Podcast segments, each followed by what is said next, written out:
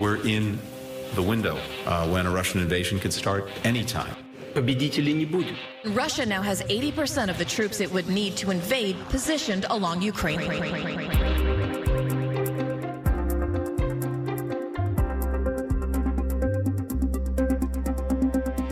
bliver nødt til at stoppe Putin, for han vil ikke stoppe ved Ukraine. Så lyder det fra den britiske udenrigsminister Liz Truss om den aktuelle Ukraine-konflikt. En konflikt, som mandag aften tog en ny drejning, da den russiske præsident Vladimir Putin i en tv-transmitteret tale meddelte, at han anerkender de to østukrainske udbryderrepublikker Lugansk og Donetsk som selvstændige. Считаю необходимым принять уже давно назревшее решение. Незамедлительно признать независимость и суверенитет Донецкой Народной Республики и Луганской Народной Республики. Ja, efter udmeldingen har Putin desuden givet ordre til en fredsbevarende mission, ja det kalder han det, i de to republikker og åbner dermed for russiske soldater på ukrainsk jord. Vi vender udviklingen i dagens program, hvor vi også ser nærmere på Putins drømme om at genskabe det gamle Sovjetunionen, hvor Rusland havde kontrol med store dele af det østlige Ukraine. Jeg hedder Alexander Vils Lorentzen. Og jeg hedder Cecilie Lange, og du lytter til Krig i Europa.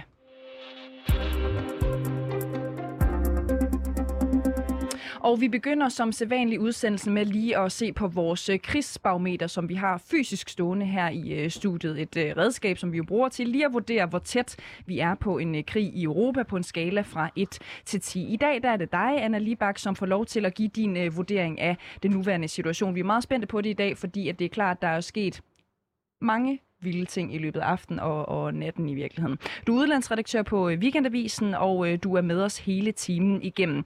Først og fremmest, vi vil egentlig godt bare have det op til, øh, til den der tavle, Anne Libak. Hvor vil du placere risikoen for øh, krig på øh, vores øh, krigsbarometer? I bliver nødt til at definere, hvad I mener med krig i Europa. Mener I, at, øh, at vestlige styrker er, er øh, i krig? Det er faktisk sjovt, fordi vi har, jeg tror stort set alle vores gæster i studiet har haft brug for en lidt nærmere definition, fordi vi taler jo både øh, en lille krig, for eksempel i Europa øh, øh, omkring øh, Øst-Ukraine, eller den store øh, krig, måske øh, en annektering af hele Ukraine. Det er jo et fortolkningsspørgsmål. Jeg ved ikke, hvor du synes, vi skal placere den, øh, Alexander. Ja, det må jo være en krig, hvor vi også har vestlige tropper involveret, mm. ikke? Ja. Ja, og, og vi har tavlen her bagved, hvis vi ja, kan logge og hvad er tidshorisonten? Altså, er det, det bestemmer for... du. Det, det, okay. det bestemmer du. Det er bare, om der kommer ja. en krig i Europa. Ikke? Øh, seks stod den på i går. Anne Libak er øh, oppe ved øh, barometeret nu, og rykker den helt ned til to. Ned til to. Okay. Ja, altså hvis det er en, en krig, hvor NATO-styrker er involveret, så vurderer jeg ikke, at, at det er sandsynligt, det sker i denne ombæring. Spørger man mig, om jeg tror, at det er sandsynligt, det sker øh, inden for de næste fem år, jamen så kan vi godt rykke den op på ni. Hvis vi taler om en invasion af øh, Ukraine her og nu, uden vestlige tropper, hvad, hvor vil du så placere pilen? Øh, så vil jeg, tror jeg, øh, placere den øh, på syv. På syv. Ved du hvad, så synes jeg bare, du skal gå op og gøre det, Anne Libak, fordi det er jo det, der sådan set er det essentielle spørgsmål lige nu, og noget, man jo også drøfter øh, på højtryk i USA PT. Hvad er en invasion egentlig? Ikke? Mm. Hvorfor 20-tal? Fordi at man skal gøre sig klart, at det Putin har sagt, det er, at øh, han får føderationsforsamlingens, øh, altså det vil sige over- og underhusets øh, godkendelse til at øh, gå ind i, øh, i oprørsrepublikkerne øh, i dag, og, øh, eller i nærmeste fremtid har han sagt, og jeg tror, han vil få det allerede i dag. Og så forventer jeg en russisk øh, indrykning. Men det, man skal være klar over, det er, at Rusland har sådan set holdt de områder besat øh, siden 2014. Så det, der jo bliver interessant, og det jeg i virkeligheden svarer på, det er, vil han forsøge at tage mere territorium? Og her skal man vide, at, øh, at oprørende, de øh, siger, at, at de øh, har folkerepublikker i Donetsk og Luhansk. Men Donetsk og Luhansk-regionerne er meget større end det område, som oprørende kontrollerer. De kontrollerer kun en tredjedel af Donetsk og af Luhansk. Så spørgsmålet er, når han siger, nu går vi ind og hjælper dem med fredsbevarende tropper, mener han så, at man går ind og stationerer tropper på hele Luhansk og Donetsk-området. For hvis det er det, han mener, så kommer der i den grad krig, hvor der vil dø folk i stort tal på begge sider. Prøv at uddybe det. Krig i den grad, hvor der vil dø folk øh, på begge sider i stort tal. Ja, fordi det er jo sådan, at der var forhandlet en fredsaftale, som aldrig er blevet implementeret, men den er dog implementeret i, den, i det omfang, at der er en såkaldt kontaktlinje. Det vil sige en linje, som, som øh, styrkerne står på hver sin side øh, af. Og, øh, og den, den linje er ikke sammenfaldende med det, man kalder Luhansk og Donetsk. Det er meget større. Det vil sige, at russerne, hvis Vladimir Putin mener, at oprørerne skal have hele det område, de gør krav på, så skal de fjerne nogle ukrainere. Og Zelensky, den ukrainske præsident, har jo ikke sagt, hallo, russerne vil gerne øh, have hele øh, Luhansk og Donetsk potentielt, så nu rømmer vi området. Har du set nogle indikationer på, at Putin kan mene netop det, altså at det er nogle meget større områder, vi taler om? så vidt jeg ved, så er det indskrevet i de to øh, oprørsrepublikers forfatninger, at de sidder på Luhansk og Donetsk i, de, i sin fulde helhed, okay. selvom øh, at de ikke gør det øh, i praksis. Mm. Og, og, og derfor så tror jeg, at russerne sagtens kan finde på at tage et større stykke end det, som oprørende kontrollerer. Den russiske præsident Putin han holdt øh, mandag aften en øh, tale, hvor han jo anerkendte de to øh, udbryderrepublikker, Lugansk og Donetsk. Lad os lige prøve at høre noget af det, han sagde efterfølgende. От тех, кто захватил и удерживает власть в Киеве, мы требуем незамедлительно прекратить боевые действия. В противном случае вся ответственность за возможное продолжение кровопролития будет целиком и полностью на совести правящего на территории Украины режима. Ja, oversættelsen får I selvfølgelig lige her. Øh, han siger, at dem, der har taget magten i Kiev, øh, kræver vi, at de omgående stopper kamphandlingerne. I modsat fald vil ansvaret for en mulig fortsættelse af blods, blodsudgydelserne helt og holdent ligge på Ukraines herskendes regimes samvittighed. Øh, Anna Libak, den russiske præsident Putin har beordret en fredsbevarende mission i Lugansk og Donetsk. Hvor bekymrende er det? Jamen det er bekymrende, fordi det jo betyder, at, øh, at den, den russiske hær officielt nu er til stede, øh, altså i det østlige Ukraine. Hidtil har den været det uofficielt, og fordi det var uofficielt, de hele tiden har øh, insisteret på, nej, russerne, vi har ikke invaderet Ukraine, det er øh, separatister, der helt selv står for festen. Så har Rusland øh, jo været tvunget til at bruge primært øh, veteraner eller øh, legesoldater, og de våben, som de har kunne køre ind, har øh, trods alt været en begrænset øh, størrelse, øh, bortset fra det missil, der, der lige øh, skød det øh, malaysiske passagerfly ned. Men så har der været grænser for, hvor avanceret våben der kunne være i det østlige Ukraine, fordi Rusland jo havde den her historie om, at vi har ikke noget med det at gøre. Det er separatisterne, der kører det øh, alene. Nu er der tale om, at man helt officielt siger, at, øh, at, at Rusland med hele sin slagkraft rykker ind i, øh, i de øh, områder helt officielt, og øh, det er klart, at, øh, at det er en gevaldig optrapning. Han kalder det jo Putin fredsbevarende øh, mission. Hvad skal der til før, øh, eller kan man argumentere for, at det i sig selv også kan være en invasion? Jeg kan ikke se, hvordan man kan se det anderledes, end at øh, det er en, øh, en invasion. Altså, øh, af verdenssamfundet, også Rusland selv, er, øh, er den del øh, af Ukraine, som, øh, som Putin nu rykker ind i, er jo anerkendt som ukrainsk øh, territorium. Øh, så jeg kan slet ikke, altså, jeg vil vende spørgsmålet om og sige, hvordan kan de være fredsbevarende? Jamen, de kan ikke øh, være fredsbevarende. Altså, det, det er en besættelseshær, som, øh, som, som rykker ind. Den øh, ukrainske præsident Zelensky han reagerede i en øh, ny tale ved at sige, at landet ikke har tænkt sig at øh, forære noget til nogen, samt at Ukraines internationale grænser forbliver, som de er, på trods af russernes udmeldinger. Øh, er den udmelding optrækkende på en eller anden måde i den her konflikt? Jeg synes ikke, at det er optrækkende at sige, at man gerne vil beholde sit, øh, sit land. Altså, jeg tror ikke, at nogen statsleder vil have anden mulighed øh, end at sige, at, øh, at, vi, at vi holder øh, fast på vores land. Hvad skulle han alternativt have sagt? Okay, øh, Rusland vil gerne have det østlige Ukraine, og nu går de ind øh, i, i det officielt for at, øh, at stadfæste herredømmet øh, over det, og øh, så laver vi et mindre Ukraine. Altså, han siger det, som han bliver øh, nødt til at sige, selvom han også godt ved, at i de ord ligger, at rigtig mange ukrainere kan omkomme. Hvad er mest opsigtsvækkende, hvis man spørger dig, øh, i forhold til de informationer, som vi har fået her det sidste halve døgn?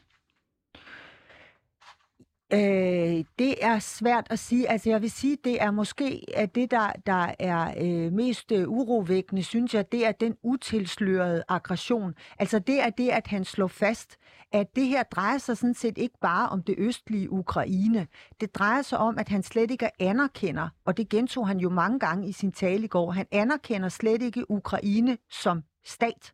Altså Ukraine er og det gav han utvetydigt øh, udtryk for. Ukraine er en del af Rusland, og at, at det er en kunstig øh, konstruktion, som er øh, uholdbar. Og jeg forstår Putin sådan, at, øh, at det her er sådan set kun Altså, øh, jeg kan ikke sige begyndelsen, fordi det har jo varet siden 2000 og, øh, og, og, og 14.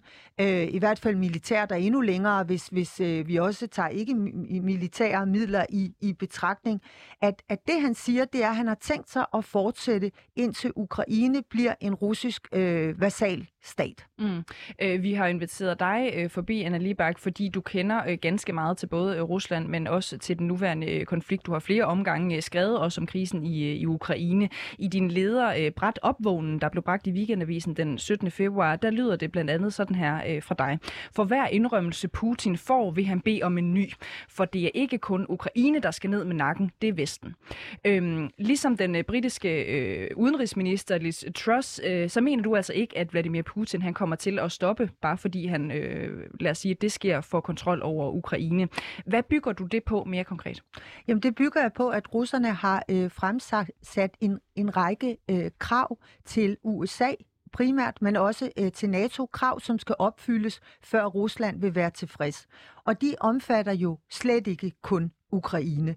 Øh, og han gentog nogle af de øh, krav også i går på sin preskonference. Altså sagen er den, at det som russerne kræver, øh, det vedrører øh, alle de 14 lande, som er blevet øh, optaget i i NATO siden øh, 1997. Der siger man, at øh, deres militær, det skal føres tilbage til det niveau, det havde i 1997, som var ingenting. Det er det samme som at kræve en afvæbning af øh, hele Østeuropa, at øh, landene skal gå med til at lade sig finlandisere, at, øh, at, at de så at sige er neutrale. Mm. Øh, og, øh, og det tror jeg, at øh, det skal tages helt alvorligt, og at det er noget, som øh, Putin vil forsøge at fremtvinge de, de øh, kommende år på forskellig vis. Og jeg tror, at... Øh, at øh, mange af de øh, problemer, der er opstået i, den senere, i de senere år fra Øst, de, de indskriver sig i den sammenhæng, selvom vi ikke forbinder begivenhederne. Her tænker jeg for eksempel på, at vi har haft en øh, migrantkrise ved, øh, ved den polske og litauiske øh, grænse øh, for blot nogle måneder siden. Nyhedsstrømmen er så øh, voldsom, at, at øh, vi helt har glemt det, men der sendte øh, Hvideruslands øh, diktator Alexander Lukashenko jo, jo målrettet migranter fra Mellemøsten mod øh, EU.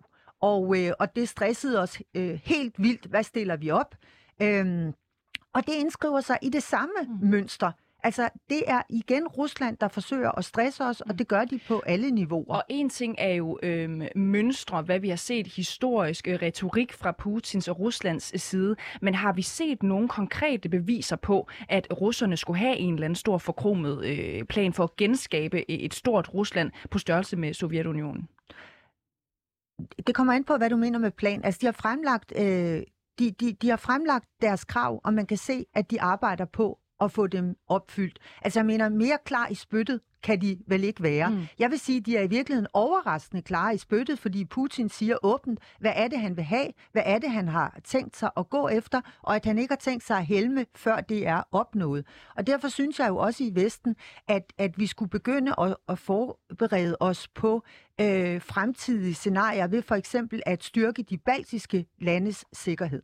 Øh, nu siger du de baltiske øh, lande. Her har vi også flere øh, NATO-lande øh, iblandt. Kan man virkelig forestille sig, at Putin tør true et NATO-land? Jamen, det kan man da sagtens øh, forestille sig. Altså, øh, de baltiske lande er medlem af øh, NATO. Og, øh, og vi har siden 2014 haft såkaldte snubletråds øh, styrker i de lande. Det er meget, meget begrænset. Det kan absolut ikke kaldes en oprustning, sådan som Putin øh, præsenterer det. Det er 1500 mand i hvert land, og, øh, og de er kommet fra Vesten. Det skulle afskrække ham på den måde, at han godt ved, at hvis han slår dem ihjel, så kommer deres øh, lande, deres borgere til, til undsætning. Øh, så så de, de var sådan en slags... Øh, hvad skal man sige, fremskudt øh, fortrop, men de var ikke permanente. Altså Danmark deltager jo, øh, jo i det. Øh, danske soldater tager jævnligt til øh, Baltikum som led i den øh, roterende styrke. Det Putin han siger i sin krav, det er, at de skal væk. Tror vi på, at, øh, at NATO har tænkt sig at øh, afvæbne de baltiske lande fuldstændig? Det tror jeg ikke. Til gengæld så tror jeg, at Putin vil forsøge at følge op på sine krav om, at de skal øh, afvæbnes på længere sigt. Så ja, jeg tror, at han vil øh, vide, at, øh, at, at, at true Baltikum, muligvis ikke fra Rusland, men muligvis fra øh, Hvide Rusland, fordi der, der er, er kortere til det stykke Rusland, der ligger uden for moder Rusland, nemlig Kaliningrad. Jeg tror, han vil forsøge at skabe en korridor, det må jeg alle sige, fra, øh, fra Hvide Rusland og til øh, Kaliningrad, og den skal jo gå enten gennem polsk eller litauisk øh, territorium. En korridor, siger du. Har, har vi en tidshorisont eller et eller andet? Hvornår tror du, det her kan komme til at ske? Jamen, problemet er, at man jeg tænker straks, hun er da en værre konspirationsteoretiker, og det er fordi, vi hele tiden, øh, vi hele tiden reagerer med øh, forsinkelse her i, i... Vi reagerer hele tiden på Putins seneste nye udspil. Jeg synes, vi skulle nærlæse hans krav, og så forstå, at vi enten så går vi ind på dem, eller også så, øh, så, så øh, begynder vi at tænke over, hvad vi kan gøre, for at han ikke får, kan indfri dem øh, med, øh, med magt. Men øh, det bliver jo, mens øh, Vladimir Putin sidder der, og jeg forventer, at han sidder til 2036, som han har givet sig selv mulighed for i, i forfatningen. Øh, så øh, det er jo en nogenlunde lang tidshorisont. Men det er klart, at det jo også, altså det afhænger jo af, af 100 ting. Det afhænger også af, hvordan reagerer vi øh, på, på det her. Bliver der andre ting, vi må vi vores opmærksomhed, forholdet til Kina og Taiwan øh, for eksempel. Så, øh, så jeg kan ikke sidde her og love, at det vil han helt sikkert gøre. Jeg kan sige, at det han har sagt, det er, at Baltikum skal afvæbnes, før han bliver tilfreds. Og at det bliver vi sgu nødt til at forholde os til, at han siger det. Anna Libak, øh, du er med os hele timen. Bare lige for at opklare, du sagde øh, tidligere her i interviewet, at øh, inden for fem år, så kunne NATO havne i en krig med Rusland simpelthen. Øh, ja, hvis vi tør øh, og ikke bare lade ham øh, forbinde Hvide Rusland med Kaliningrad, eller også mm. gå gennem øh, Rusland, så skal han jo gennem flere baltiske stater øh, og øh, forene Rusland med Kaliningrad. Altså, prøv at kigge på et kort. Øh, der ligger simpelthen et stykke Rusland, det gamle Østpreussen, mellem Polen og mm. Litauen. Og øh, jeg er ikke i, i tvivl om, at, øh, at at det har betydning for Rusland, øh, hvad der står i, øh, i, i, i Baltikum, og at øh, jeg, jeg siger ikke, at han går ind og tager alle tre øh, baltiske lande fuldt ud. Jeg siger, at der kan være en provokation, som gør, at NATO ikke udløser artikel 5, musketereden om en for alle, alle for en, og at det vil, be, det vil jo bevise, at alliancen er svækket, den virker øh, ikke. Anna Libak er udenlandsredaktør på Weekendavisen og er med øh, hele timen her i Krig i Europa og har altså placeret krigsbarometeret på et syvtal.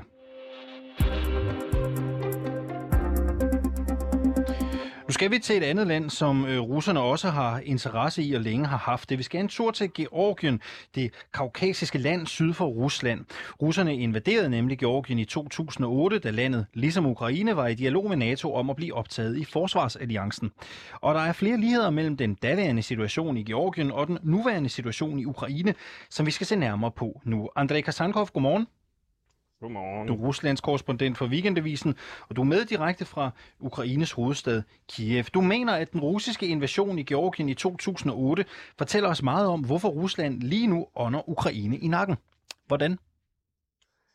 Jamen, jeg vil sige, at det grundlæggende faktisk er den samme konflikt, der startede helt tilbage i øh, den første halvdel af nullerne, hvor både Georgien og Ukraine oplever en uh, pro-vestlig revolution – hvorefter at uh, begge lande forsøger at blive NATO-medlemmer, sådan at man også på sigt kan få mere sikkerhed uh, i forhold til at være nabo til Rusland.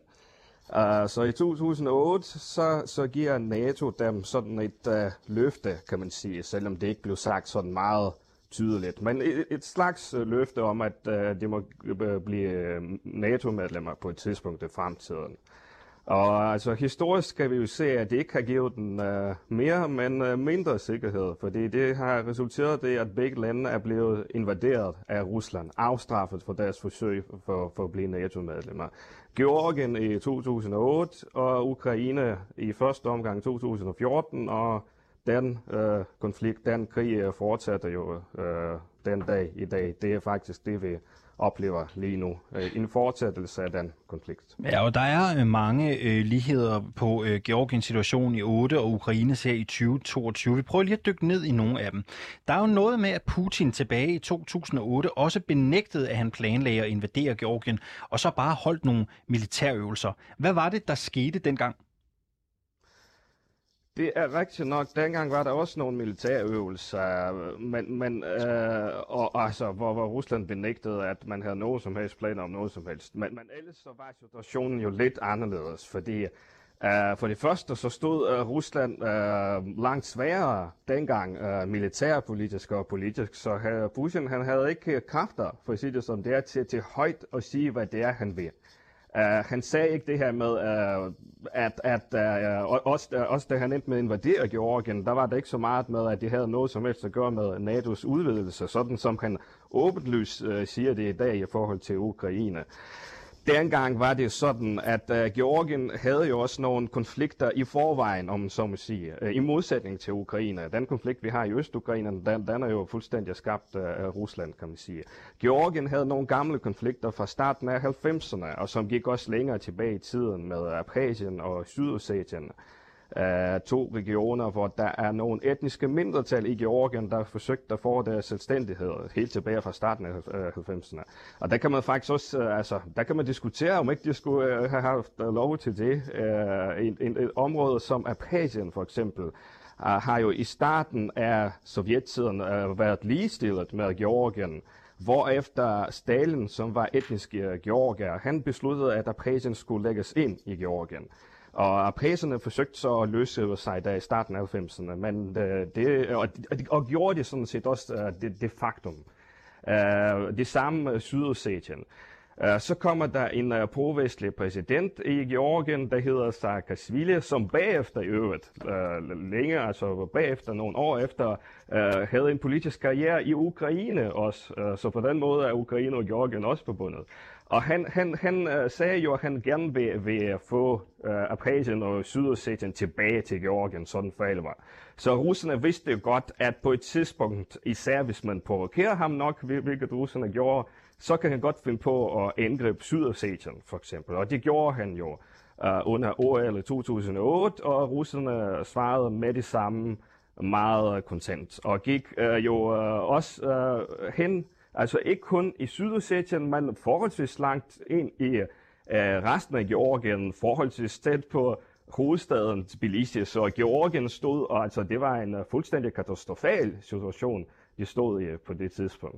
Kasankov, jeg ved ikke, om du kan skrue lidt op øh, for din telefon, så vi kan gøre lyden øh, lidt skarpere, øh, der hvor der står input. Ja, ja, ja, ja, ja, se, nu sker der ting og sager. Ja, kan du, kan du høre mig? Hvor godt kan du høre mig? Jeg hører dig meget tydeligt. Det er så fint, øh, at lydniveauet er der. Øh, når du fortæller om situationen i Akasien og Sydossetien i Georgien, så er der jo noget, der tyder på, at historien kan gentage sig selv. Øh, derfor er det jo også relevant for os at vide, hvordan det har påvirket Georgien, at Rusland gik i krig mod dem dengang.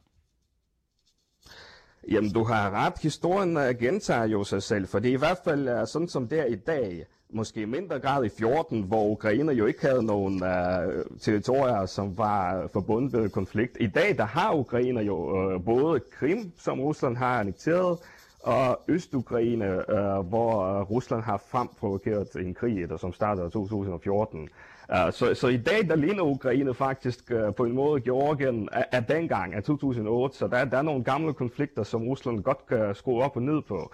Og det gjorde Putin jo sådan set i går ved, at han endelig anerkendte de her to uh, separatistrepublikker i Østukraine, Donetsk og Luhansk, og dermed gjorde han faktisk det samme, som han også gjorde med Georgien 2008, da han anerkendte Sydossetien og Abkhazien, øh, som Georgien jo den dag i dag slet ikke har nogen som helst form for kontrol med. Uh, og uh, så nu spørger du jo i forhold til, hvordan det har påvirket uh, Georgien. I weekendavisen, der skrev vi uh, lidt i, i sidste uge om, hvordan Georgien faktisk har er nået frem til, at det er nok bedst for Georgien ikke at provokere Rusland alt for meget, øh, fordi der ikke er nogen lande, der vil forsvare øh, Georgien næste gang øh, Rusland kommer. Og hvis det sker, altså Georgien er jo et ganske lille bitte land, som slet ikke kan forsvare sig mod, mod et stort land øh, som Rusland. Så hvis det sker igen, øh, så, så er det måske helt slut med, med øh, Georgiens selvstændighed.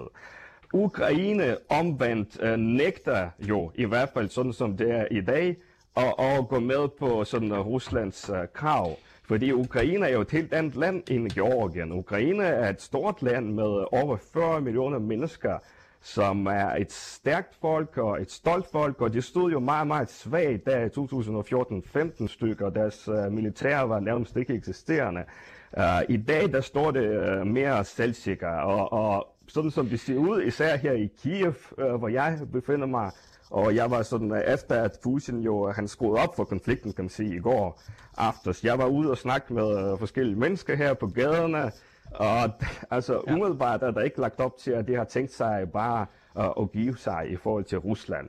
Og det er også uh, derfor, at vi nok desværre har en ret stor risiko for, at, at uh, der kommer mere krig, simpelthen fordi at uh, Vladimir Putin nok vil forsøge at tvinge den til at gå med på sine betingelser, akkurat som han har haft held uh, med at gøre det med Georgien. André Kasankov, uh, tak fordi du var med uh, her uh, til morgen, altså direkte fra Ukraine. Anna Libak, uh, kollega til Kasankov, vi vender lige bolden mod dig. Uh, hvor meget føler du, at vi kan lære af den her historie med Georgien? Jamen altså, det er jo... Øh det er jo nemt at være øh, bagklog.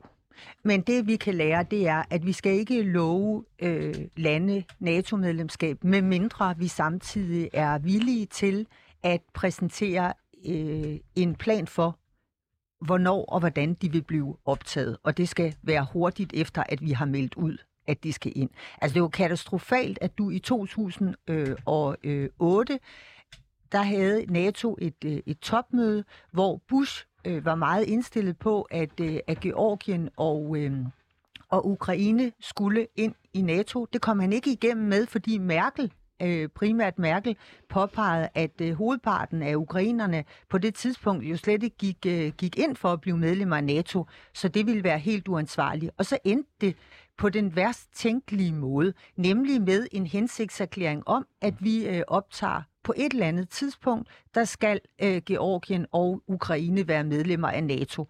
Og så øh, nogle måneder efter, jamen der invaderer Rusland så Georgien, og, øh, og efterfølgende kom turen til, øh, til Ukraine.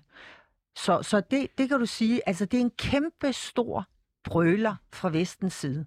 Tror du, Putin vil fastholde presset på Ukraine og også presset på Vesten, så længe han ikke har opnået det samme, som han gjorde i Georgien? Ja, det tror jeg. Jeg tror, at, øh, at, at han vil med alle midler sørge for, at øh, Ukraine glider tilbage i den, øh, i den russiske indflydelsesfære, men det er en meget større om mundfuld med, med Ukraine.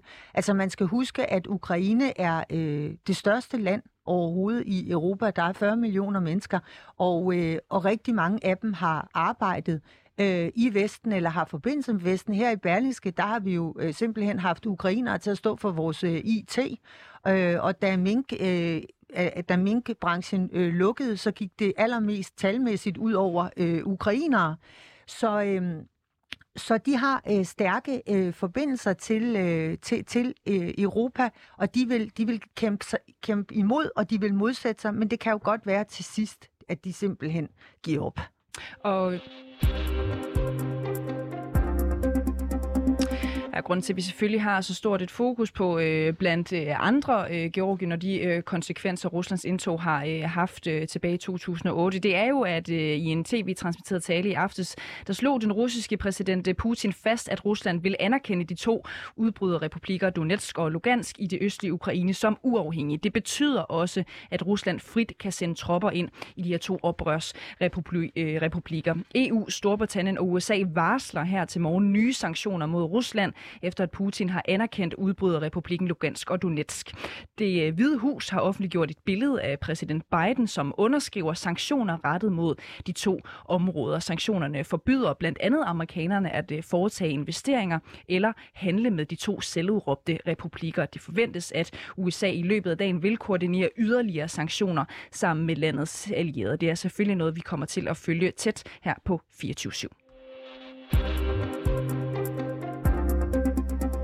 Vi fokuserer jo her til morgen på spørgsmålet om, hvor i Europa Rusland ellers ville kunne have interesse i at få mere indflydelse eller ligefrem opnå øh, fuld øh, kontrol. Fordi uanset om man tror, at Rusland har en forkromet plan for at opnå international indflydelse, der rækker ud over Ukraine eller ej, så forsøger russerne selvfølgelig at øge deres indflydelse andre steder i verden. Det mener øh, blandt andet Anna Libak, som jo også er med her til morgen, udlandsredaktør på Weekendavisen. Claus Mathisen, godmorgen og velkommen til dig. Ja, godmorgen. Du er lektor i russisk sprog, kultur og militære relationer ved Forsvarsakademiet, og så er du også tidligere forsvarsattaché i netop Ukraine. Øhm, Anna Libak siger jo til os her til morgen, at Putin jo har interesse i Baltikum. Hvor i Europa ser vi ellers Rusland forsøge at øge sin indflydelse?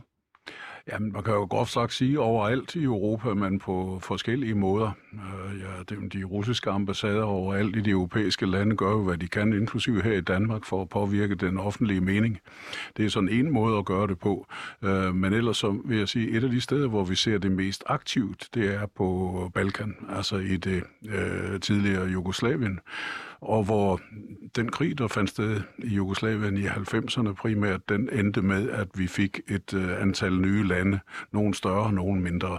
Og i det område, der har Rusland som traditionelt allieret altid haft Serbien og serberne.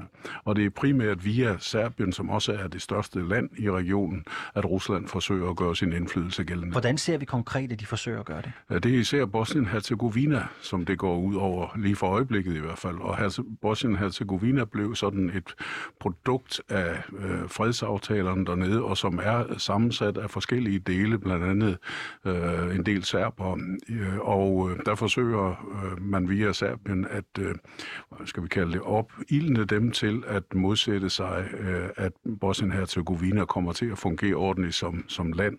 Så det er sådan et ganske tydeligt eksempel. Derudover har Rusland jo også modsat sig øh, NATO-medlemskab for nogle af, af, af de øh, Balkanlandene med den besynderlige henvisning, at øh, nu vil man ikke have NATO komme tættere på Rusland. Når jeg siger besynderligt, så er det fordi Montenegro ligger sådan set temmelig langt fra Rusland, men selvfølgelig ligger det inden for noget, man kunne kalde russisk interessesfære, hvis man overhovedet vil anerkende det begreb.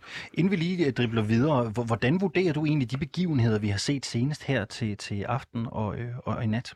Åh, oh, jamen det er jo så lidt en, en anden øh, snak. Øhm, der, der er jo ingen diskussion om, at det, som Rusland gør her, det er endnu et eklatant overgreb på folkeretten. Øhm, og øh, det, at man taler om, at øh, man indsætter fredsskabende styrker i de to øh, øh, selvbestaltede republikker, som nu er anerkendt af Rusland, det er også helt hen i vejret. Og det er det, fordi det kan man kun gøre, hvis parterne er enige om det. Det er i hvert fald den ene option, og jeg har ikke hørt ukrainerne invitere russiske styrker ind. Jeg vil så sige, at russiske styrker har stået der i flere år i forvejen, så der er sådan set ikke noget nyt i russisk militær tilstedeværelse i de to republikker. Selvfølgelig skulle vi lige have din øh, take på, Øh, hvad der er sket her i løbet af de seneste 24 timer. Øh, vi taler jo om, hvor Rusland ellers kunne forestille sig at øge sin indflydelse her til morgen. Og apropos tidligere sovjetrepublikker, som vi har været inde på her i dag, så skal vi lige høre Charlotte Flint Pedersen. Hun er direktør i Udenrigspolitisk Selskab. I mandagens udgave af Krig i Europa, der sagde hun det her. Altså Moldova ligger grænser op til Ukraine, øh, og der ligger en udbryderrepublik, der hedder Transnistria, som øh, ligesom også er et sted, hvor du har russisk militær. Øh, og øh, jeg ved, at det er i hvert fald noget af det, som Rumænien er bange for, øh, som er nabo, altså nabostat til Moldova, hvor man taler faktisk også rumænsk, man taler det samme. Så, øh, så jeg, jeg tror, at det, det næste kunne sagtens blive Moldova. Og hvad er det, Putin skulle gøre der? jamen han skulle øh, altså sikre sig kontrollen. Mathisen, er Moldova et oplagt næste mål for øh, russerne? Ja, altså Moldova har længe været et mål for russerne, lad mig starte med at sige det, øh, fordi øh, da, da der udbrød en krig i landet øh, i starten af 90'erne, der gik Rusland ret øh, direkte ind og støttede den part, der ikke ønskede, at Moldova nærmede sig Rumænien og sidenhen også eventuelt EU og NATO som selvstændig stat. Og det førte til oprettelsen af den her ikke anerkendte øh, republik, som hedder Transnistrien, og som i øvrigt udmærker sig ved, at den faktisk ikke engang anerkendt af Rusland. Øhm, og derudover så har man ført en konstant krig mod Moldovas økonomi, blandt andet øh, gennem øh, det efterhånden allesteds nærværende russiske gasvåben. Øh, senere her i programmet, der øh, skal vi tale med en øh, dansk journalist i Serbien, som kan fortælle, at der er øh, bosnisk-serbiske separatister i Bosnien-Herzegovina, som får støtte fra øh, Rusland. Øhm, man bliver jo også lidt fristet til at spørge Claus Mathisen, hvor tæt på os her i Danmark søger Rusland at få indflydelse? Øh, jamen, det gør de, øh, hvor de kan komme til det. Altså, jeg synes jo for eksempel, at den russiske indflydelse i Tyskland er ret åbenlys. Øh, det er en af hindringerne for, at man for eksempel kommer til at iværksætte sanktioner mod Rusland, som mm, kunne gøre rigtig ondt på Rusland, at Tyskland er så tøvende i den sammenhæng. Det er der også historiske årsager til. Det er ikke kun russisk indflydelse i dag, men der er tætte, tætte bånd, også politiske bånd af Merkel-Putin var jo efterhånden et, en legendarisk tandem, der, der eksisterede i, jeg ved ikke, to og, årtier. Og hvordan ser man det i dag, den russiske, eller et russisk forsøg på at øge indflydelse i Tyskland og de tætte bånd, hvordan konkretiseres de i dag?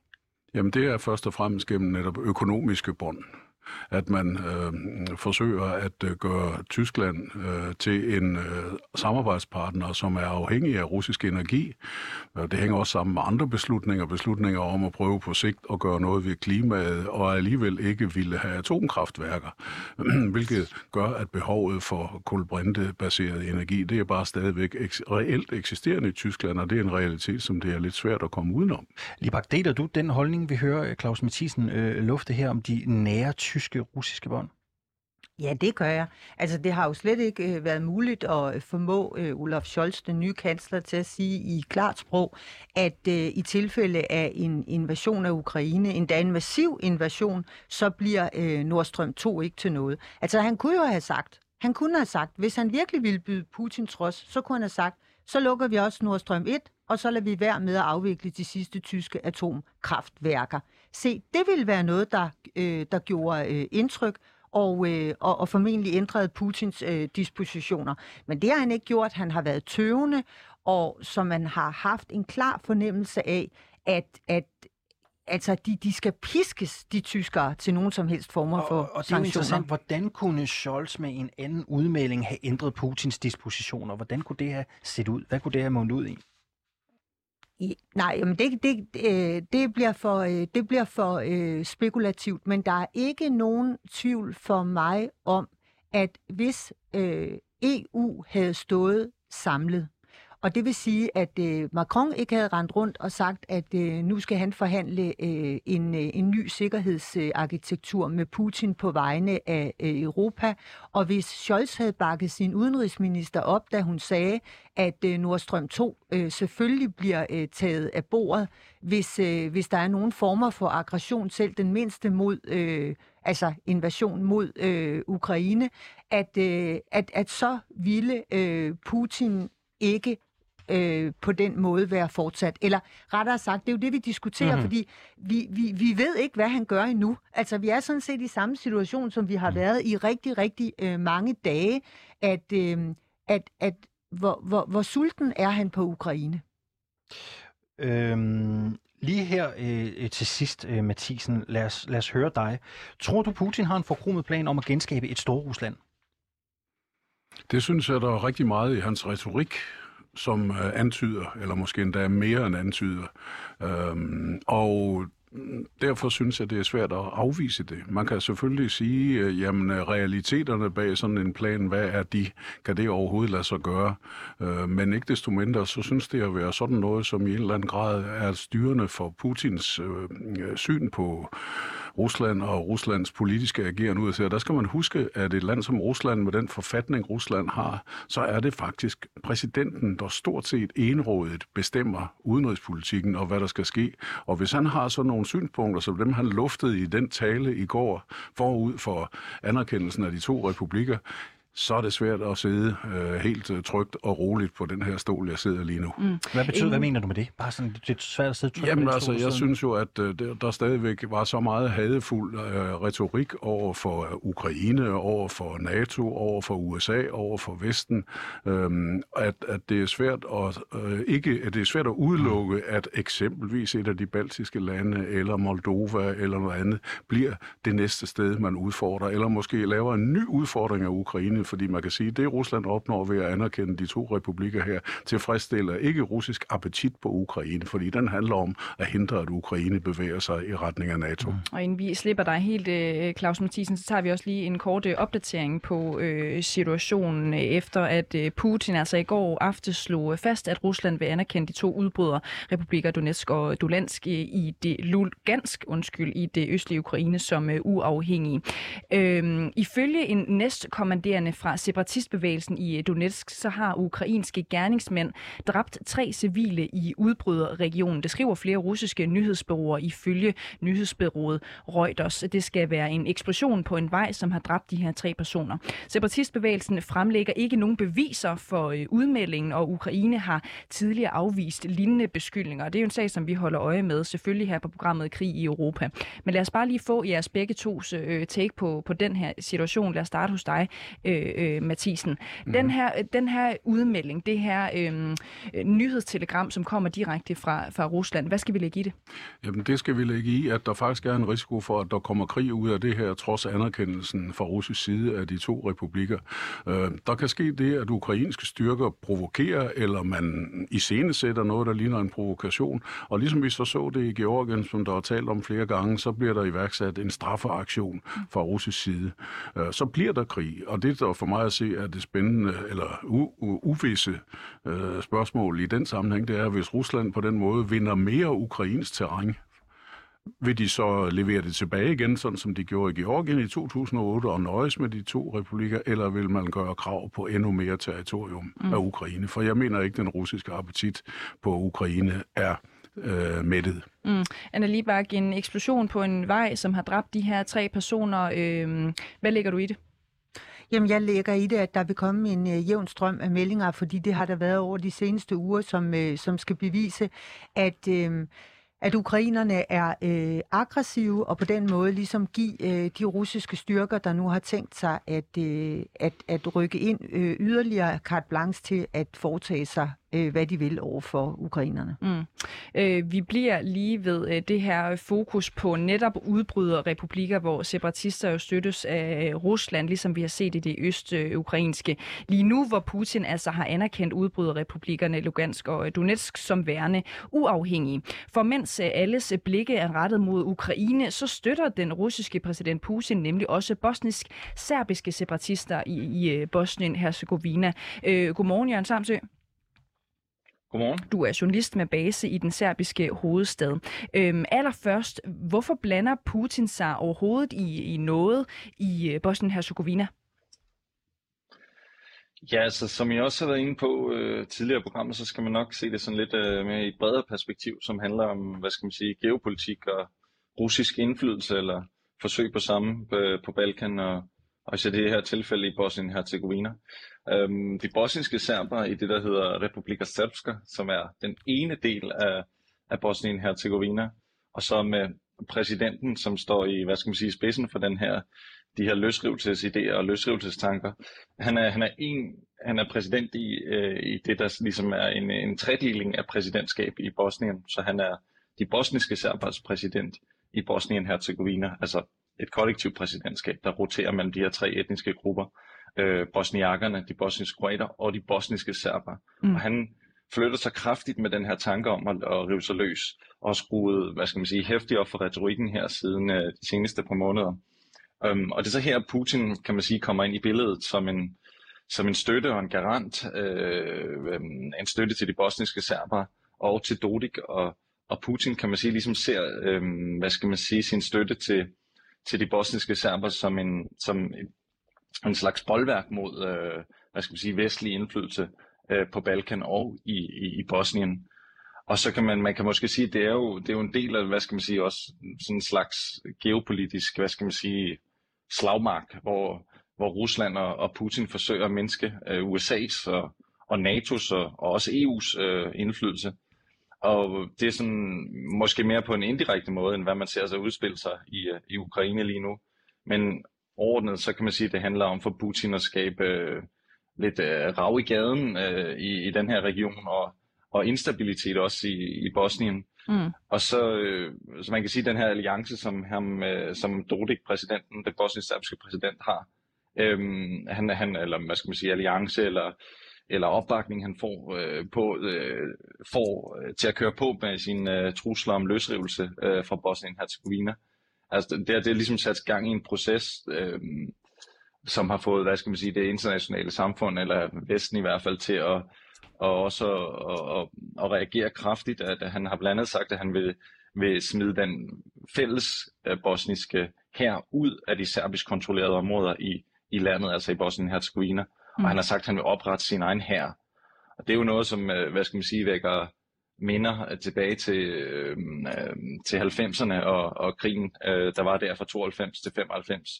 Øhm, fordi det jo blandt andet var en bosnisk service her, der, der stod bag øh, nogle af de grusomme ting, der skete under krigen, men blandt andet også øh, bombningen af, af, af Sarajevo.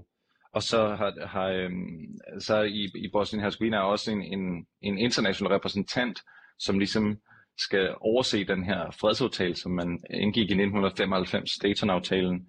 Øhm, og han har så udtalt i forbindelse med øh, de her øh, løsrivelses øh, sabelrassen fra, fra Dodik, at, at, at, at øh, Bosnien er i den, hvad skal man sige, den største eksistentielle krise øh, siden krigen, altså siden borgerkrigen i, fra 92 til 95.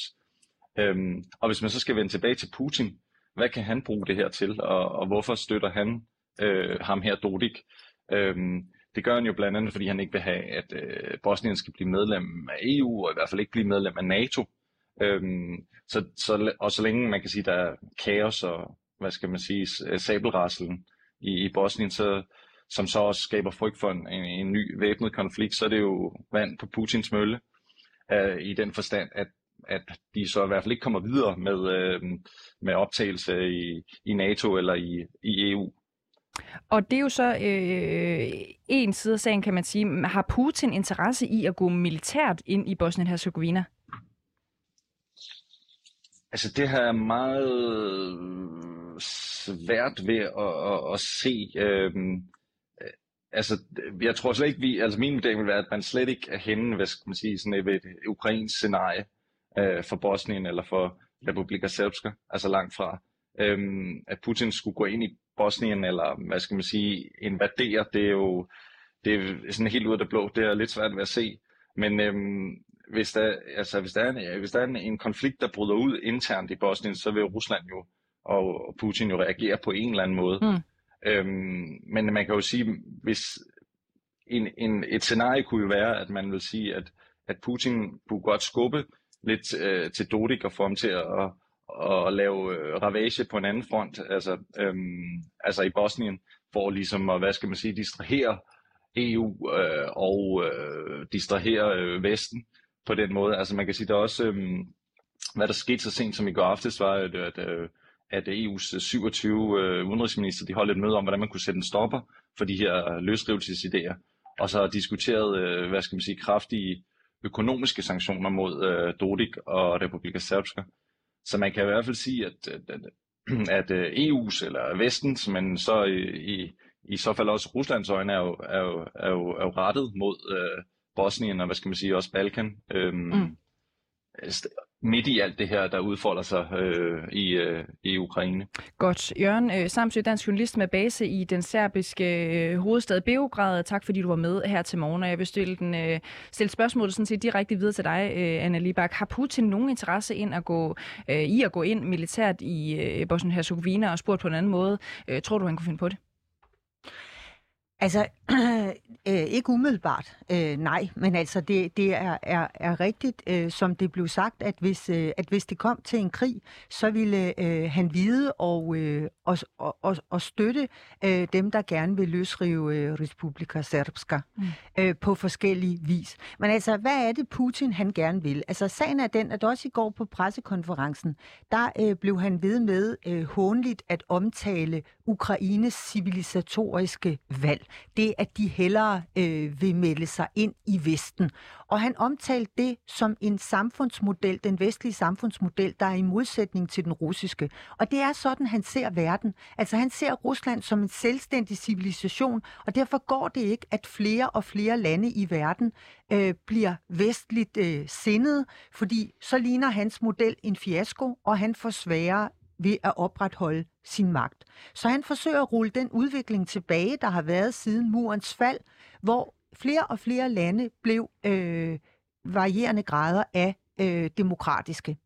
Øh, og til at, øh, at, at de vælger den, den russiske civilisatoriske model.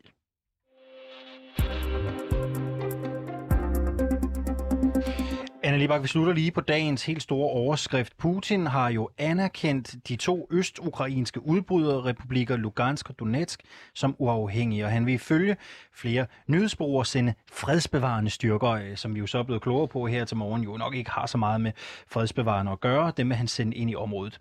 Ifølge BBC, så vil amerikanerne i dag indføre sanktioner mod Rusland. Hvad tror du, vi skal forvente derfra?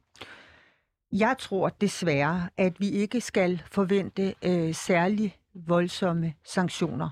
Og, øh, og det er fordi, at øh, ja, altså jeg er glad for, at der overhovedet, øh, at der overhovedet kommer øh, sanktioner. Det er jo også fordi, at, øh, at, at... Men hvad er ikke særlig voldsomme sanktioner? Hvad, hvad, hvad, hvad er det, man kan forvente så? Jamen, øh, det er, at man laver en sanktionsliste med, øh, med folk, der har øh, til, tilknytning til den operation. Altså det vil sige, folk, der militært på forskellige vis er øh, involveret i at arrangere, at de russiske tropper nu går ind i de to udbryderrepublikker. Mm. Øh, de vil ikke længere kunne rejse ind øh, eller de vil ikke længere kunne rejse til USA, og jeg vil tro, EU i øvrigt følger trop. Øh, og så øh, vil de også få indefrosset deres øh, økonomiske aktiver i de, øh, i de lande. Mm. Vi har jo hørt fra amerikanerne øh, allerede, at de vælger at tage det værktøj øh, op af kassen, kunne man sige, der hedder, at ingen øh, handel, ingen øh, øh investeringer osv., øh, altså i udbryder regionerne, men indtil videre har vi ikke hørt noget om de sanktioner øh, mod Rusland. Øh, hvordan kan det være, at man vælger at ligge snittet der? Jamen, jeg, jeg tror, at øh, amerikanerne vil, øh, fordi det har de sådan set meldt ud, at de vil, øh, der vil også være russere på den øh, liste. Mm. Altså russere, som er involveret, militære personer, som, som øh, styrer operationen fra, øh, fra, fra russisk side. Det har jo endda været i, diskuteret i USA, om man skulle sætte øh, Putin øh, på listen, mm. hvis det kom til en stor, massiv invasion af Ukraine. Men, øh, men, men det har man taget af, af bordet igen, næsten uanset hvad han gør, vil det ikke ske, fordi man vurderer, at så vil der ikke være nogen at forhandle med. Meget sket de sidste 10 timer, Libak. Hvad skal vi holde øje med i de kommende timer, det kommende døgn, inden vi øh, mødes her i studiet igen? Problemet er, at Putin sørger for, hvad vi holder øje med, fordi hvis man går de seneste dage igennem, så kan vi se, at han hver eneste dag foretager sig noget, øh, som vi så efterfølgende sidder og diskuterer, hvad øh, betyder. Altså, det har jo været et langt præludium til en krig i Ukraine, så det vi skal holde øje med, det er, vil de russiske styrker forsøge at tage mere end det, de allerede hemmeligt har, altså tage hele Lugansk og hele Donetsk øh, ordplast, hvor der er massevis af ukrainere. Anna Libak, udenlandsredaktør på Weekendavisen. Tak fordi du var med her til morgen. Du øh, placerer altså barometeret på et syvtal øh, den her morgen, vores øh, krigsbarometer. Tak fordi du ville være med til at gøre os øh, klogere den her morgen. Selv tak.